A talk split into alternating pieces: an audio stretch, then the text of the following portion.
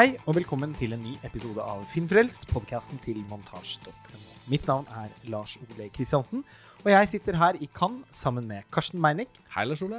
Chloé Faulkner, Hei sann. Andrea Skottland Hallo, hallo.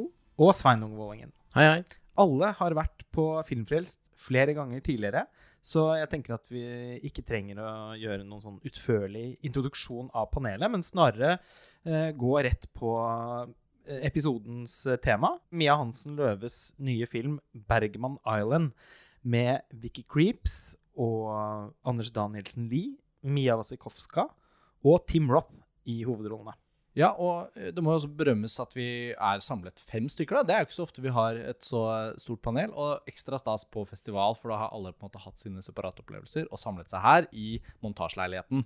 Og um, Bergman Island opplevde jeg, Lars Olav var vel en av de filmene da programmet ble presentert, som vi egentlig sånn akutt gledet oss mest til sånn ved siden av French Dispatch, Alice Anderson og Benedetta på Forhofen. Det var liksom Mia Hansen Løve i hovedkonkurransen. Det var på tide. Merkelig nok så er jo dette da hennes første film i Cannes sin hovedkonkurranse. Vi har fulgt henne tett egentlig fra starten av, og hun har vært i Cannes tidligere eh, med debutfilmen sin, eh, Toué Pardonné, i Canzan, tror jeg. Og så The Father of My Children i Un Certain certain regard. Eh, men har jo tross alt konkurrert i Berlin og Venezia og sånn med de foregående filmene. Så det føltes jo på en måte litt etterlengtet. eh, og det er også hennes første engelskspråklige film. Hvilket også da naturligvis kan gjøre at man blir litt bekymret, på tross av at eh, rollelisten og sånn er så lovende. da. Jeg tenker jeg er nysgjerrig på å starte med deg, Chloé, da, eh, siden du også er opprinnelig er fransk. Du er jo liksom så fornorsket nå at jeg føler liksom du er norsk òg. Eh, men eh, Mia Hansen Løve, eh, første film på engelsk er én ting, men hun er jo en filmskaper som jeg vet har betydd mye for deg. Hvordan var forventningene før eh, Bergman Island? Ja, de var ganske høye. Eh, det var sånn på en måte skrekkblandet fryd at jeg gikk inn i, i visningen. Det er jo også en filmskaper som jeg har fulgt i mange år.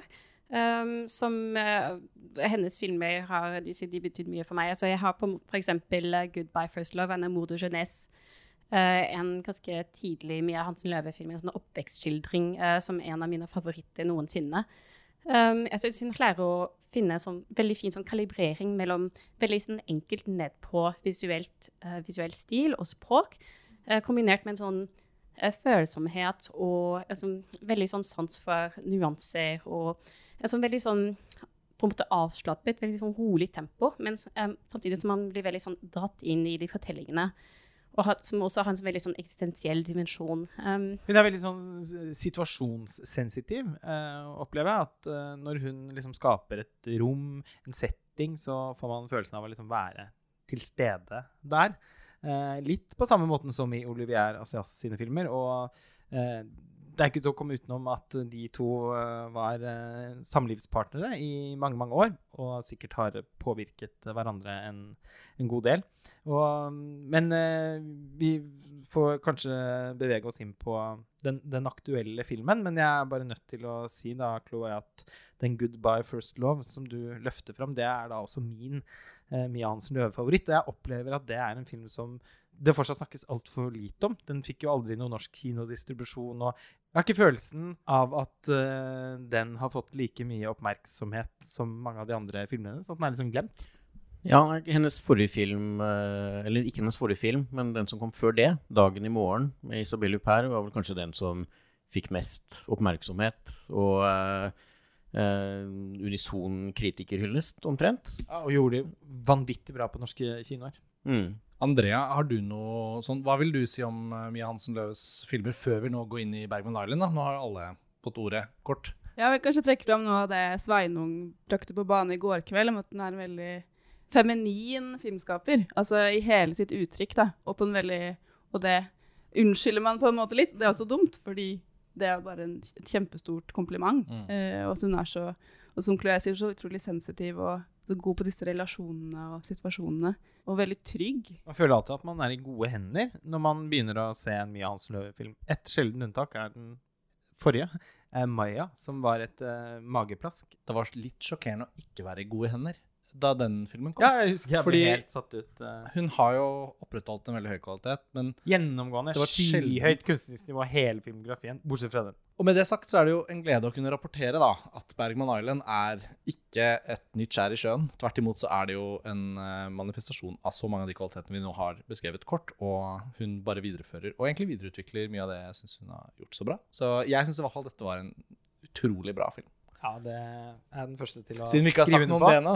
Nei, altså jeg syns den var helt uh, fantastisk, eh, og en av hennes aller beste filmer, faktisk. Og det var jeg ikke nødvendigvis forberedt på, fordi premisset tross alt har en del fallgruver.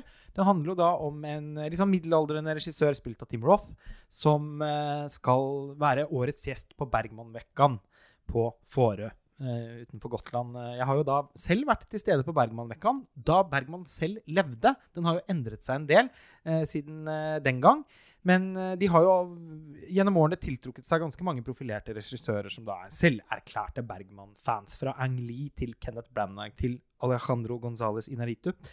Og um, han ankommer da øyen med sin kone, som også er manusforfatter og, og filmskaper.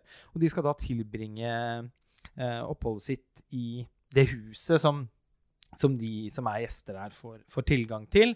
Nemlig det som ligger like ved Bergman sin private kino, der eh, noen av scenene fra, scenene fra et ekteskap ble spilt inn. Den eh, ikoniske sengen, eh, f.eks., hvor de sitter og leser og, med, med 70-tallsbriller og krangler. Den eh, jo det, ja, det blir jo da eh, parets seng eh, i løpet av oppholdet, og de lader den umiddelbart med noen slags sånn spøkelsesaktige kvaliteter. At uff, kanskje det at vi skal tilbringe flere netter i den, i den dobbeltsengen, gjør at vi på en eller annen måte eh, innser at vi ja, Eller finner svakheter ved hverandre. Så er det bare noe de spøker med. Men på en eller annen måte så igangsetter de tankene da eh, en idé til en film som eh, Vicky Creeps, som da spiller kona til til Tim Roth i filmen, eh, begynner å skrive på imens hun oppholder seg der. Ja, og for å for spørre deg, da, Andrea. Altså, hvor innforstått er den settingen rundt Bergman? sånn? For jeg tenker at, Lars Ole, du har jo vært der, som du sier. Jeg har ikke vært der, men jeg er ganske klar over omtrent hva opplegget på Fårø er, og hørt mange av de mytene. Men filmen tar en ganske sånn oppdragende tone der i starten. Egentlig ganske mye sånn ekspositorisk eh, aktivitet og scener som setter opp sånn For deg, da. Eh, hvordan føltes den introduksjonen til rammene for filmen? Syns du det var overtydelig, eller var det nok, eller var det mye du ikke visste? Eller? Jeg visste ikke hvor på en måte aktiv øya var som på en måte sånn historisk øy, og hvor mye det var residenser der og opplegg. Det visste jeg ikke. Men eh, det meste jeg vet, er vel fra Linn Ullmann sin eh, 'De urolige'. Eh, hvor jeg på en måte hadde de bildene av øya og visste liksom hvordan det så ut. Det var veldig lite overraskende. Så man har på en måte også bruddstykker fra alle mulige andre verk, tror jeg, om hvordan den øya er. Mm. Eh, men jeg synes det var veldig gøy og gjenkjennelig med det- denne residensen. Sånn, her skal vi være og jobbe. Eh, Du skal jobbe der, jeg skal jobbe her. Nå må vi produsere et eller annet. Det er også veldig sånn gjenkjennelig med jobbing med teater og ja. Ja, jeg syns det var eh, litt morsomt med den veldig sånn eksposisjonen i starten, hvor vi, har, vi hører en samtale mellom Vicky Creeps og noen som jobber eh, på Bergmannshyttelsen, som er sånn Ja, og så hadde han så så mange koner og så så mange barn, og han hadde et problematisk forhold til barna, som kanskje er på en måte for folk som vet litt om Bergman, virker litt sånn ganske opplagte ting, men da har vi fått sagt det, og så går vi videre. Jeg synes også det var, sånn en, det var noe for alle, på en måte, fordi da går vi videre, og det jo det er jo selvfølgelig masse sånn referanser for litt sånn, alle sånn Bergman, Bergman sånn geeks eh, der ute. Så det er veldig fornøyelig. Sånn, det, det er liksom en, en liten scene hvor de to skal uh, altså Tim Roth og Vicky Creeps skal velge en Bergman-film og se sammen. Og så var det litt sånn frem og tilbake. Hvilken skal vi velge? Åh, jeg klarer ikke. Altså, Ikke Uri Marionettas liv, for den er, ikke, den er på tysk. Jeg vil ha noe svensk. Ja, Fanny Alexander Nei, men jeg har sett så mange ganger. det er litt sånn den versjonen eh, av liksom, la, oss se en sånn Netflix-film i kveld, bare, bare med Bergman-titler. Ja. Sånn. Ja, altså rammene, rammene der for, under deres opphold, som du var inne på så vidt, Lars Ole, er jo at de også har det visningsrommet til Bergman til sin disposisjon. Og da kommer det jo også en sånn fyr som er liksom projeksjonist, som står klar til å vise dem 35 ruller hvis de trenger det. Og den de lander på, da, som de får lyst til å se, er Saraband. Eh, passende nok med tanke på at de eh, oppholder seg i scenen fra et ekteskap, Huset. Men det er jo Bergmans eneste digitale film, det da, så den var ikke der på 35 mm. Eh, jeg syns det var en veldig morsom balanse mellom at det på en måte er litt et sånn krasjkurs i Ingmar Bergman. En innføring til alle som ikke er særlig godt kjent med han. Nesten tipper helt over på en måte i parodien. Men er uh, innafor fordi at det tross alt er litt sånn på Bergmanvekka. kommer også mange allment kulturinteresserte mennesker dit som er interessert i å endelig lære om Bergman. Det husker jeg godt, at mange av de introduksjonene og foredragene og omvisningene og safarituren og sånn tross alt var ganske sånn basic. Samtidig så har jo filmen også mange detaljer som jeg tenker at er sånne ja, konfektbiter for Bergman-fans. Liksom, her var Kabilerti sitt eh, piano, eh, maleri av Ingrid von Rosen. Eh, mange sånne ting. Så det, den fant en balanse der som jeg ble imponert over. Jeg har ikke vært på Bergman-vekkaen, men jeg var på Fårøy i 2010. Og var på mange av stedene hvor filmene var innspilt, og, og på graven til Bergman og sånt. Og jeg eh, kjente også igjen veldig mange av de stedene som ble presentert i filmen. Uh, og noe som jeg syns var litt befriende etter denne introduksjonen av Bergman-vekkaen uh, og alt det her. hvor jeg tenkte å nei, blir det sånn nesten Kan det gli over til å bli sånn europudding-preg? Og, og, blir det for basic, så syns jeg det var veldig befriende at uh, den der safarien, for eksempel, da, den blir jo presentert som ja, litt basic. Og det er kanskje ikke så viktig med når, hvor lenge det treet har stått på dette, denne stranden, eller altså en del sånne en del informasjon som kanskje de som er virkelig opptatt av Bergman, egentlig ikke er så interessert i, med mindre man har et veldig Wikipedia-aktig forhold til han. Som også er til stede i et par scener som er veldig morsomme. Den, den karikaturen, veldig kort, den minte meg om en annen film vi har sett under festivalen, av 'Where is Anne Frank', hvor Ari Folman i filmen litt kritiserer hvordan Nederland har på en måte da tatt Anne Frank opp i alt. Ba, gater, broer, museer, Kan få kjøpt kaffekopper med Anne Frank på. Og, og, og, jeg føler det er, det er, litt sånn fint at Mia Hansen Løve i all sin varme for Fårö og Bergman i hele filmen som et prosjekt, også tar seg tid til å liksom ja, men det er også på en måte litt teit, kanskje. og Derfor er det litt gøy at Vicky Krips rollefigur litt sånn dropper den safarien og lar Tim Roth ta den alene. på det. Jeg mistenker at de safariturene har endret seg en god del. fordi da jeg var der, så var det da eh, et fast tema hvert år, og da var safarien eh, diktert av det. Så jeg husker Da jeg var der, så var det Fårö-trilogien med en person og Vargtimen og Skammen som sto i fokus.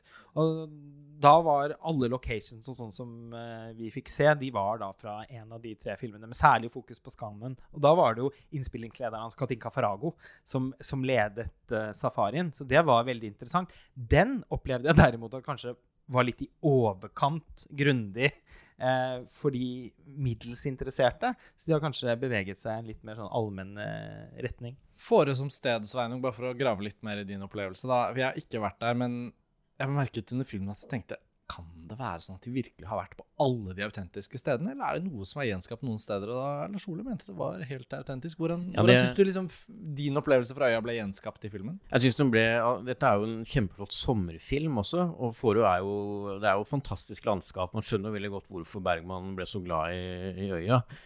Eh, og det gjør man også uten å ha vært der, føler jeg, når man eh, ser filmen. Uh, og ja, ja, nei, Jeg har også opplevd det som veldig autentisk, og at disse, disse, stedene de er der. Og det er jo noe Mia Hanseløve får fram utrolig godt også, gjennom altså den stemningen, foto Altså man, det, det, er bare Ja, til å være en så lett film det, Hun er jo veldig god på å lage sånn som du var litt inne på, Chloé. Til, til, å lage såpass lette filmer på en måte som eh, flyter liksom godt. Ja, ikke sant? Så, så, så får hun liksom alltid til en sånn slags dybde likevel, også i bildene, føler jeg. Og skape noen stemninger. og uh, Lyssettingen her er jo helt uh, nydelig, liksom. Og, så det er jo Hun har virkelig klart å uh, på en måte bruke den øya, ikke bare som en sånn Bergman-referanse, og bare igjen, på en måte gjenbruke det han brukte i sine filmer, men å lage noe eget. Altså, Bergman sitt gjennombrudd i Sverige var jo nettopp med sommerfilmer. Og det setter sitt preg på Bergman Island, og da særlig med den filmen som oppstår inni filmen, som da er den Vicky Creeps karakter skriver på, og etter hvert eh, skjønner vi også realiserer. Chloé, kunne du fortalt litt om eh, hva som er eh, plott i den? Ja, så Vicky Kryps skriver da manus til en film, og så får vi da fortellingen om altså den historien uh, i en slags sånn uh, metascene der hun står og går tur med mannen sin og forteller. Sånn skjer det i filmen. Og i denne historien så får vi et slags sånn parallell til altså uh, Tim Roth og Vicky Creeps, det er jo da et sånt for forhold mellom en ung kvinne spilt av Mia Wasikowska og Anders Danielsen Lie, som er da et uh, Altså, de har vært et par tidligere, sånn i ungdommen, det har vært sånn stormfull kjærlighet, og så har de gått fra hverandre, kommet tilbake, og så er de nå eh, på eh, et bryllup på Forø. Og så eh, er det da et slags sluttkapittel i dette litt kompliserte forholdet. Um, og da, ja, skal vi si, det er, det er mye følelser. Det var umulig å ikke tenke litt på den Before-trilogien til Richard Linklater, mens Vicky Krips liksom la fram plottet og sa sånn OK, så dette er liksom sånn Alt det har skjedd før denne filmen, og, og vi kommer inn og møter dem her, da. Og det er jo noe helt eget med de, hvordan de filmene følger opp Julie Delpy og Ethan, Ethan Hawkes eh, rollefigurer. Liksom, vi kommer inn i ulike faser av livet deres, og fordi vi kjenner dem fra de andre filmene, så kan man også liksom Når den tredje kom, som ikke er min favoritt av de tre, men uansett, da er de i Hellas, og det er liksom ting som har skjedd, og sånn og sånn. Og det virket liksom litt som en sånn type film kanskje hun så for seg, da, uten å nødvendigvis ha laget de andre før. Men uh, det er jo ikke nødvendig for publikum å plukke opp sånne ting og tenke sånn rundt det. fordi jeg tror i all sin kompleksitet så kler det filmen veldig godt at det er en sånn type filmidé hun har.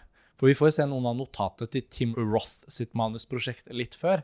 Det, Det virker som å være sånn kaliber. megasadistisk, så-aktig Gaspar Noé-horror på B-nivå, eller noe sånt. Vi får jo også se et utdrag fra en film han har laget tidligere. Ja, ja. Og det later til å være en slasher. Kanskje det er en referanse til West Craven, som jeg vet også har eh, vært eh, på Fårö i anledning innspillingen av serien Bergmans video til Hynek Pallas. Han har jo da basert sin eh, debutfilm The Last House on the Left på Bergmans Jomfru Kielland. Så den horrorkoblingen tenker jeg at ikke er tilfeldig. Andrea, jeg er litt uh, interessert i å høre hvordan du syntes uh, vekslingen mellom det som er liksom rammefortellingen, og filmen i filmen fungerte. Jeg satt veldig underveis og tenkte sånn åh, jeg er mest Nå er jeg mest gira på filmen i filmen, Ja. uh, og liksom ville helst være i den. Og så, men så syns jeg den løste seg veldig godt mot slutten. Og vi skal kanskje ikke avsløre slutten her, for den er veldig veldig god, og syr det hele veldig godt sammen. Så jeg sitter jo igjen med at de begge må være der. Det er jo en film om å lage film, eller en film om å lage kunst, og det klarer den jo veldig godt, da. Jeg, jeg ble utrolig engasjert i deres kjærlighetshistorie. Det, ja, jeg, jeg hadde samme som deg, eh, André. Jeg, em, jeg, f- jeg fortapte meg i filmen i filmen, eh, i den grad at jeg glemte at det var en, en, en slags eh, metafortelling. Mm. Og jeg hadde så lyst til å finne ut av hvordan det skulle gå, at eh, jeg syns det fungerte så fint. Og så, og så selvfølgelig så er det noen sånn brudd her og der hvor det sånn, og så de oppleves så utrolig brå, fordi det er sånn Å ja, da glemte jeg litt at uh, vi skal tilbake til den andre. Det er nesten som man andre. blir liksom vekket Ja. fra en drøm. Ja. Men så blir man ganske raskt uh, plassert tilbake på puten igjen. Det virker som alle har hatt litt sånn lignende opplevelse eh, rundt det. At på tross av at det er en rammefortelling her som umiddelbart er veldig morsom og, og, og fiks, og hvor eh, Mia Hansen Løve da lykkes så godt med på en måte gi publikum en innføring i Bergman, eh, og ha respekt for eh, Bergmanstiftelsens arbeid. Alle, som sagt, alle som Eller sånn som det har framkommet til nå i podkasten, så vil alle som har vært der, kunne eh, kjenne seg veldig igjen. Og på detaljnivå. ikke sant? De blir tatt imot av Stig Bjørkman, verdens kanskje fremste Bergman-ekspert, som alltid er der og holder mange foredrag. Og det ble jeg liksom helt uh, tatt på senga av, da. Hvor engasjerende den filmideen hennes var. Uh, og at det første strekket av den utspilte seg over et såpass langt tidsrom at jeg nesten glemte at vi skulle tilbake til en annen fortelling igjen. For mot slutten så begynner den jo å bevege seg litt mer sånn fram og tilbake. Men alt det føltes så utrolig sånn organisk komponert.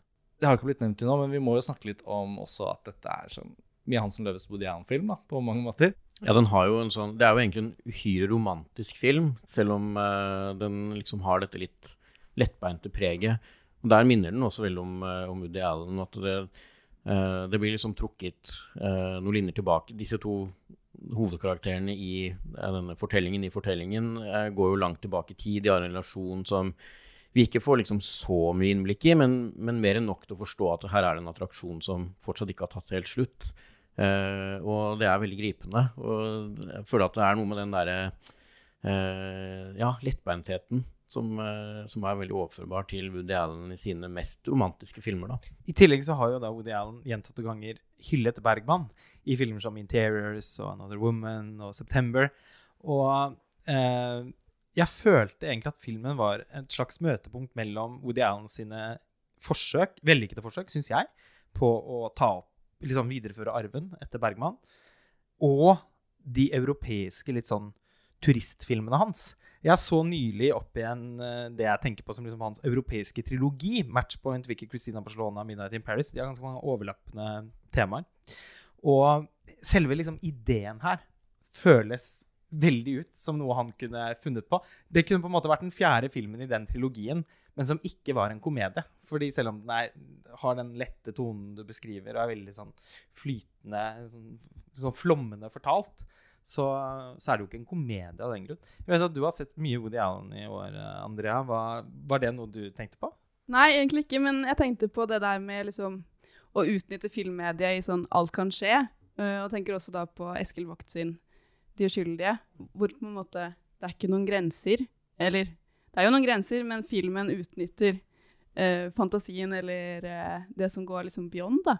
Uh, og det gjør jo veldig mange av Woody Allen sine filmer ved at han bare Ja, nå kan vi være i Paris 1920. Hvorfor ikke? Nå hopper vi litt mer i tid. Hvorfor ikke? Ja. Uh, og det er litt den filmen der som gjør den spennende, at man hører henne hele tiden fortelle om manusideen, og så ser man det skjer, men man vet ikke hva som går videre, for hun bestemmer seg egentlig akkurat nå om hva som skal skje videre. Og det gir litt sånn ekstra sånn impulsivitet. Og så handler den om kunstnere og kunst. Og så har den da et fotoarbeid eh, som i alle fall jeg syns var påfallende eh, likt Gordon Willis eh, sitt. da, eh, Som jo samarbeidet tett med Woody Allen i en veldig sentral periode av hans filmografi. Veldig om dype svarttoner, masse tekstur. Selvfølgelig da skutt på 35 mm. Jeg syns filmen så helt fantastisk ut. Eh, egentlig kanskje for meg den visuelt aller mest tiltalende filmen så langt de kan. Det er selvfølgelig også verdens verste menneske. Men, uh, og den er mye mer sånn visuelt idérik. Uh, og det ligger jo Det er mer av et autørtrekk for Joakim Trier enn for Mie Hansen Løve, som nettopp har det litt sånn dempede preget som du har påpekt, Chloé. Men her følte jeg bare at det tross alt ble veldig virtuost. Og når man ser så mye film som er skutt på digital video, så blir det egentlig sånn rørende, syns jeg, å, å, se en 35 mm-film i Lumière, den største salen i, i Cannes, og liksom kjenne kraften i, i, bildene og de ufattelig vakre, spesielle omgivelsene ute på Forud der, med alle disse råkerne og eh, månelandskapene ute ved strendene. Og han Denis Lenoir, som har skutt filmen, han skjøt jo både 'Dagen i morgen' og um, 'Eden', i hvert fall, av uh, Mie Hansen Løves filmer. Og så har han jobbet uh, mye med Olivier Assayas, da. Er det bare jeg som tenker litt på Olivier Assayas som Team Roth-karakteren? Altså, han har jo touchet på sin en og annen horrorfilm, og jeg, jeg, blir jo veldig nysgjerrig. Jeg er veldig sjelden opptatt av tabloid, det tabloide livet til filmskaperne vi setter så høyt, men blir jo veldig nysgjerrig på hvordan Mia Hansen Løve og Olivier Assayas hadde det sammen før og etter denne innspillingen? da, Var det over før denne ble laget? Var de sammen mens den ble skrevet? Har de vært på kunstneropphold på Fårö? Um, det er ikke sikkert noen av dere sitter på noe inside information, men uh, filmen inviterer jo litt til å spekulere, da, hvis man først vet at de to har vært uh, sammen. Ja, nei, så Det var det mest åpenbare parallellen eh, jeg tenkte på som den, i den scenen der vi ser litt, et sånn lite klipp fra den filmen som han selv har laget. Jeg tenkte ikke så mye West Craven, men mer en sånn Olivia Sias eh, litt sånn spenningsfilm. Uh, Alla Demon Lover eller uh, ja, Personal Shopper. Personal Shopper, for eksempel. Da. Um, så, og det er jo Det antydes litt sånn i en periode i filmen at det er sånn slags sånn spenning i forholdet mellom de to, i den grad at han anses som en sånn han er en filmskaper som er på besøk eh, på den øya, som får sitt eget sånn retrospektiv og er med på panelsamtaler og blir på en måte uh, omringet av fans som skal ha autograf, mens uh, Vicky Creeps-karakteren holder seg litt sånn tilbake og er litt sånn, uh, sliter litt med å få skrevet. Men det, det, liksom, det, er, ikke, det er, ikke, så Man får, blir ikke sånn slått på hodet med sånn, på måte, at det er så veldig stor forskjell. Det er bare en litt, sånn liten sånn spenning, og så går, går vi videre på det. Liksom, ikke noe sånn sentral drama liksom, i filmen. Ja. Kjente meg veldig igjen i akkurat den scenen der, da, i og med at jeg i dag eh, med, liksom, med gelé i beina klarte å få til en bitte liten prat med Oliver Stone. ja, For da var det du som var autografjegeren? eller? Definitivt. Fordi jeg syns jo tross alt at han er en stor helt, og jeg tror at jeg er blant de relativt få i verden som eier opptil flere utgaver av hver eneste versjon han har laget av Alexander. Og det fikk jeg formidlet til han. Da så det ut som han var enten veldig imponert, eller at han nesten ikke kunne tro at det var sant. For det skjedde jo også i dag. Det er jo litt sånn, Nå snakker vi bare om Bergman Island, men sannheten når vi rapporterer i Cannes med podkastepisoder, er jo at det ofte er vanskelig å bare fokusere på én film. eh, Fordi hver festivaldag er preget av ulike opplevelser. Og, og det som skjedde etter Bergman Island, Lars Ole, som du refererer til, er jo da at Oliver Stone er her med en ny dokumentar. JFK Revisited, stemmer det? Altså, Jeg og Sveinung var til stede begge to, og det er jo da eh, enkelt og greit at han har laget en dokumentar som er et slags apropos, et appendiks, til sitt mesterverk eh, JFK fra 1991. Eh, fordi eh, den filmen sørget jo i sin tid for å åpne mange av liksom, eh, arkivene til, til saken. Og i årene som har gått siden, så er det jo da mange som har vært i sving for å forsøke å komme til bunns. Og det har sikkert vært noe Oliver Stone har brygget på veldig lenge, og skulle dele disse funnene med publikum. Vi så da totimersversjonen av filmen. Det eksisterer også en fire timer lang versjon, som sikkert kommer til å bli en slags sånn true crime-TV-serie. Og jeg ser veldig fram til å se den, fordi jeg må innrømme at totimersversjonen var så intenst komprimert eh, at det rett og slett var litt for mye informasjon på litt for kort tid. Og han er jo en retoriker av rang, så det var musikk og montasje og Dum, dum, dum, dum. Det var en veldig utmattende opplevelse som eh, jeg var veldig Jeg kjente at det liksom brant. eh, at filmen brant og at den varmen smittet over på meg underveis. Eh, og det var også Oliver Stone opptatt av, for det er egentlig morsommere enn det med den eh, autografen. Fordi eh, han gikk på do underveis i filmen. Og jeg satt helt ute til gangen der, hvor eh, regissørene som pleier å gå opp og ned til scenen Det var litt strategisk plassering, da, i og med at jeg var så opptatt av å, eh, å, å få til et lite møte. Men når han kom tilbake fra toalettet, så plutselig så sitter jeg, og så er det noen som sitt, som har ansiktet veldig tett opp til meg. Så, så skvetter jeg til, og så er det Oliver Stone! Som øh, gliser! Og, og med tommelen opp, og så fortsetter han å gjøre det samme på alle som sitter på det ytterste setet, den samme raden, og ser bortover rett og slett for å se om folk følger med på filmen. For det er jo så viktig for han dette her. Og Sveinung, eh, jeg fikk inntrykk av at vi satt igjen med ganske lik opplevelse. Ja, nei, som du er inne på nå med den, eh, den veldig tilstedeværende opplevelsen. Han eh, hadde overtenning eh, ja. på den visningen. Han er jo veldig besatt uh, av flere prosjekter han har jobbet med i karrieren sin, men kanskje særlig JFK og, Og Alexander, den, og Alexander. Uh, og jeg er veldig opptatt av JFK-saken selv. Jeg. Eh, jeg har lest bøker og sett filmer og er litt besatt av det selv. Men det handler også mye om den eh, perioden i amerikansk historie og alt det som det drapet medførte, og liksom konteksten rundt og sånt. Og det får man en del av både i starten og slutten av filmen. Men det er også et midtparti hvor eh, han går veldig detaljert til verks i kulene. Hvor var det de endte opp i kroppen? Hva var det som var mulig? Noen bilder av noen torsoer her og noen hjerner der. og En halvtime minst. ja, og det ble, ble veldig intenst, da. Eh, og jeg tror også det at når den, ja, når den firetimersversjonen kommer, så vil kanskje ting flyte litt bedre. Men det er, jeg vil uansett si at det er å anbefale. For det, det Ja, er, for det første, når en filmskaper går så inn med så på å si, kropp og sjel eh, i et prosjekt på den måten, så er det på en måte spennende uansett. Eh, og det er jo fascinerende med nytt materiale eh, om denne viktige perioden og, og saken i, i amerikanske historie. Han har jo alltid vært helt suveren på å gjøre montasjer i filmene sine, og det er i hvert fall en egenskap han ikke har mistet. da. Fordi det svingte jo virkelig av den filmen. Altså, han er fortsatt en, en, en vanvittig god dokumentarfilm.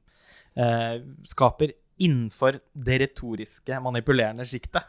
Jeg følte dette ble en veldig god anledning til å nappe ut litt fra dere om den filmen, eh, selv om vi egentlig snakker om Bergman Island. Fordi eh, det må være litt sånn her på festival. Og, og selv om vi på en måte nærmer oss avslutningen av episoden, så tenkte jeg likevel at vi kunne få høre litt fra deg, Andrea, i og med at du er i Cannes for aller første gang. Og du var jo på Filmfrelst fra Venezia i fjor, da det pandemien raste og noen få modige nordmenn hadde tatt turen, og dere rapporterte hjem til oss litt deprimerte som satt hjemme, og nå heldigvis er vi alle i, i festivalmodus igjen. Em, hvordan har det vært å være på Cannes-festivalen for første gang? Og er det noen ting du har sett som ikke vi har snakket om nå, og som du kunne hatt lyst til å liksom bare skyte inn sånn på slutten? Ja, altså, det er jo bare den viktigheten med å oppleve film eh, sammen, da. Altså, det er veldig enkelt og banalt, men det bare er så utrolig viktig å ha de kollektive filmopplevelsene. Og som Lars Ole nevnte, disse 35 mm visningene, galla, altså masse masse mennesker som står i kø. Altså, at man, klar, at man klarer å gi filmskaperne og de som jobber rundt med filmene, den oppmerksomheten som de virkelig virkelig trenger, og booste miljøet. og nei, jeg vet ikke, Det er ikke det samme med digitalfestival å sitte og se ting hjemme. fordi de fleste av dere ser jo fem, noen ganger seks filmer om dagen. Og ha energi og motivasjon til å gjøre det hjemme ville ikke gått. da. Man trenger liksom det fellesskapet, og man trenger å spise den sjømaten mellom slaga. og ja. Jeg synes bare, Som jeg sa i Venezia, jeg syns dere bare gjør en utrolig viktig og fantastisk jobb, alle som er filmvitere som er her. Så ja, virkelig. Og så er det jo veldig hyggelig for oss å vite at du har fått din første opplevelse på en festival hvor også er det halvparten så mange folk som vanlig. Så det er jo en, altså selve det at ikke nesten Chloé, du og jeg har jo snakket litt om det utenfor mikrofonen, holdt jeg på å si, at det er jo helt påfallende hvor lite kø det blir.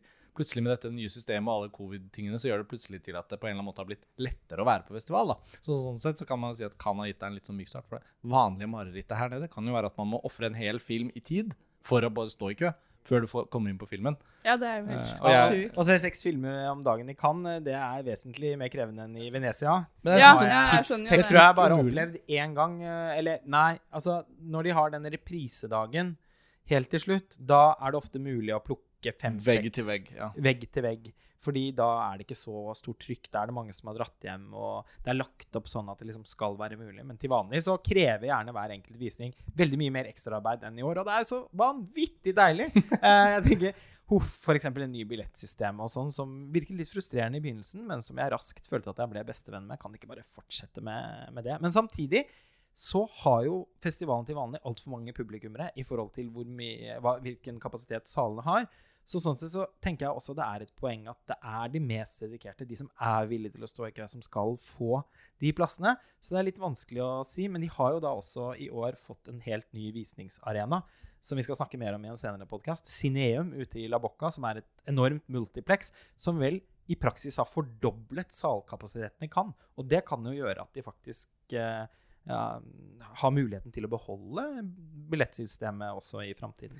Men er det ikke også litt sånn intrikat og litt sånn hemmelig billettsystem som gjør at hvis man har vært her noen år, så får man bedre seter? Ansiennitet. En Ansiennitet, ja. Og det er jo veldig fint, da. Uh, Ja, at det- det liksom De Man får litt tilbake mm. ja, på å være trofast og Helt komme klart. år Det er kodet en ubestemmelig ansiennitet inn i systemet et eller annet sted, og det resulterer i å enten få eller ikke få billett tidligere eller senere. Men det har vært, hatt mye mindre effekt i år. I 2019 f.eks. så opplevde jeg at uh, jeg som da hadde vært her hvert eneste år, ni år på rad, hadde, fikk akkurat hadde litt enklere for å få billetter enn mange andre jeg kjenner, i hvert fall. For å gi et lite empirisk eh, eksempel fra i dag, da. Det har jeg aldri opplevd i Cannes før, men det var nesten litt sånn Edda kino Haugesund-stemning på den to og en halv time lange jordbruksorienterte tyrkiske filmen Bale le Kazan, som jeg startet dagen med i dag, 8.30 i Debussy. Jeg tror ikke jeg har vært på en mindre besøkt visning, sånn offisiell Cannes-visning, enn den. Da var det så mange ledige seter at jeg tenkte dette er eksempelet. Det er nå man skjønner hvor få som er her i år. Fordi alle de som aldri ville fått noen billetter et vanlig år, ville akseptert å ja, få bli den 8.30 på bala casan da, for det er den eneste vi får billetter. Det var ikke 2500 publikummere som så Mamat Saleh Harons Lingui heller. Nei. Eh, Jeg har lyst til å avslutte med en morsom anekdote. Eh, Som kan lede oss til det som muligens blir neste episode. Og det er nemlig at Mia Hansen Løve er en av verdens største showgirls-fans. Altså Paul Verhovens eh, først utskjelte, men så kultforklarte, og senere egentlig mesterverkerklærte film. Eh, som eh, vi har eh, vært innom på Filmfrelst ved flere anledninger. Jeg mener å huske f.eks. at uh, Greta Gerwig uh, Mulig det er en annen rollefigur, men jeg tror det er henne som har et litt sånn flammende innlegg hvor hun snakker opp uh, showgirls i, i den.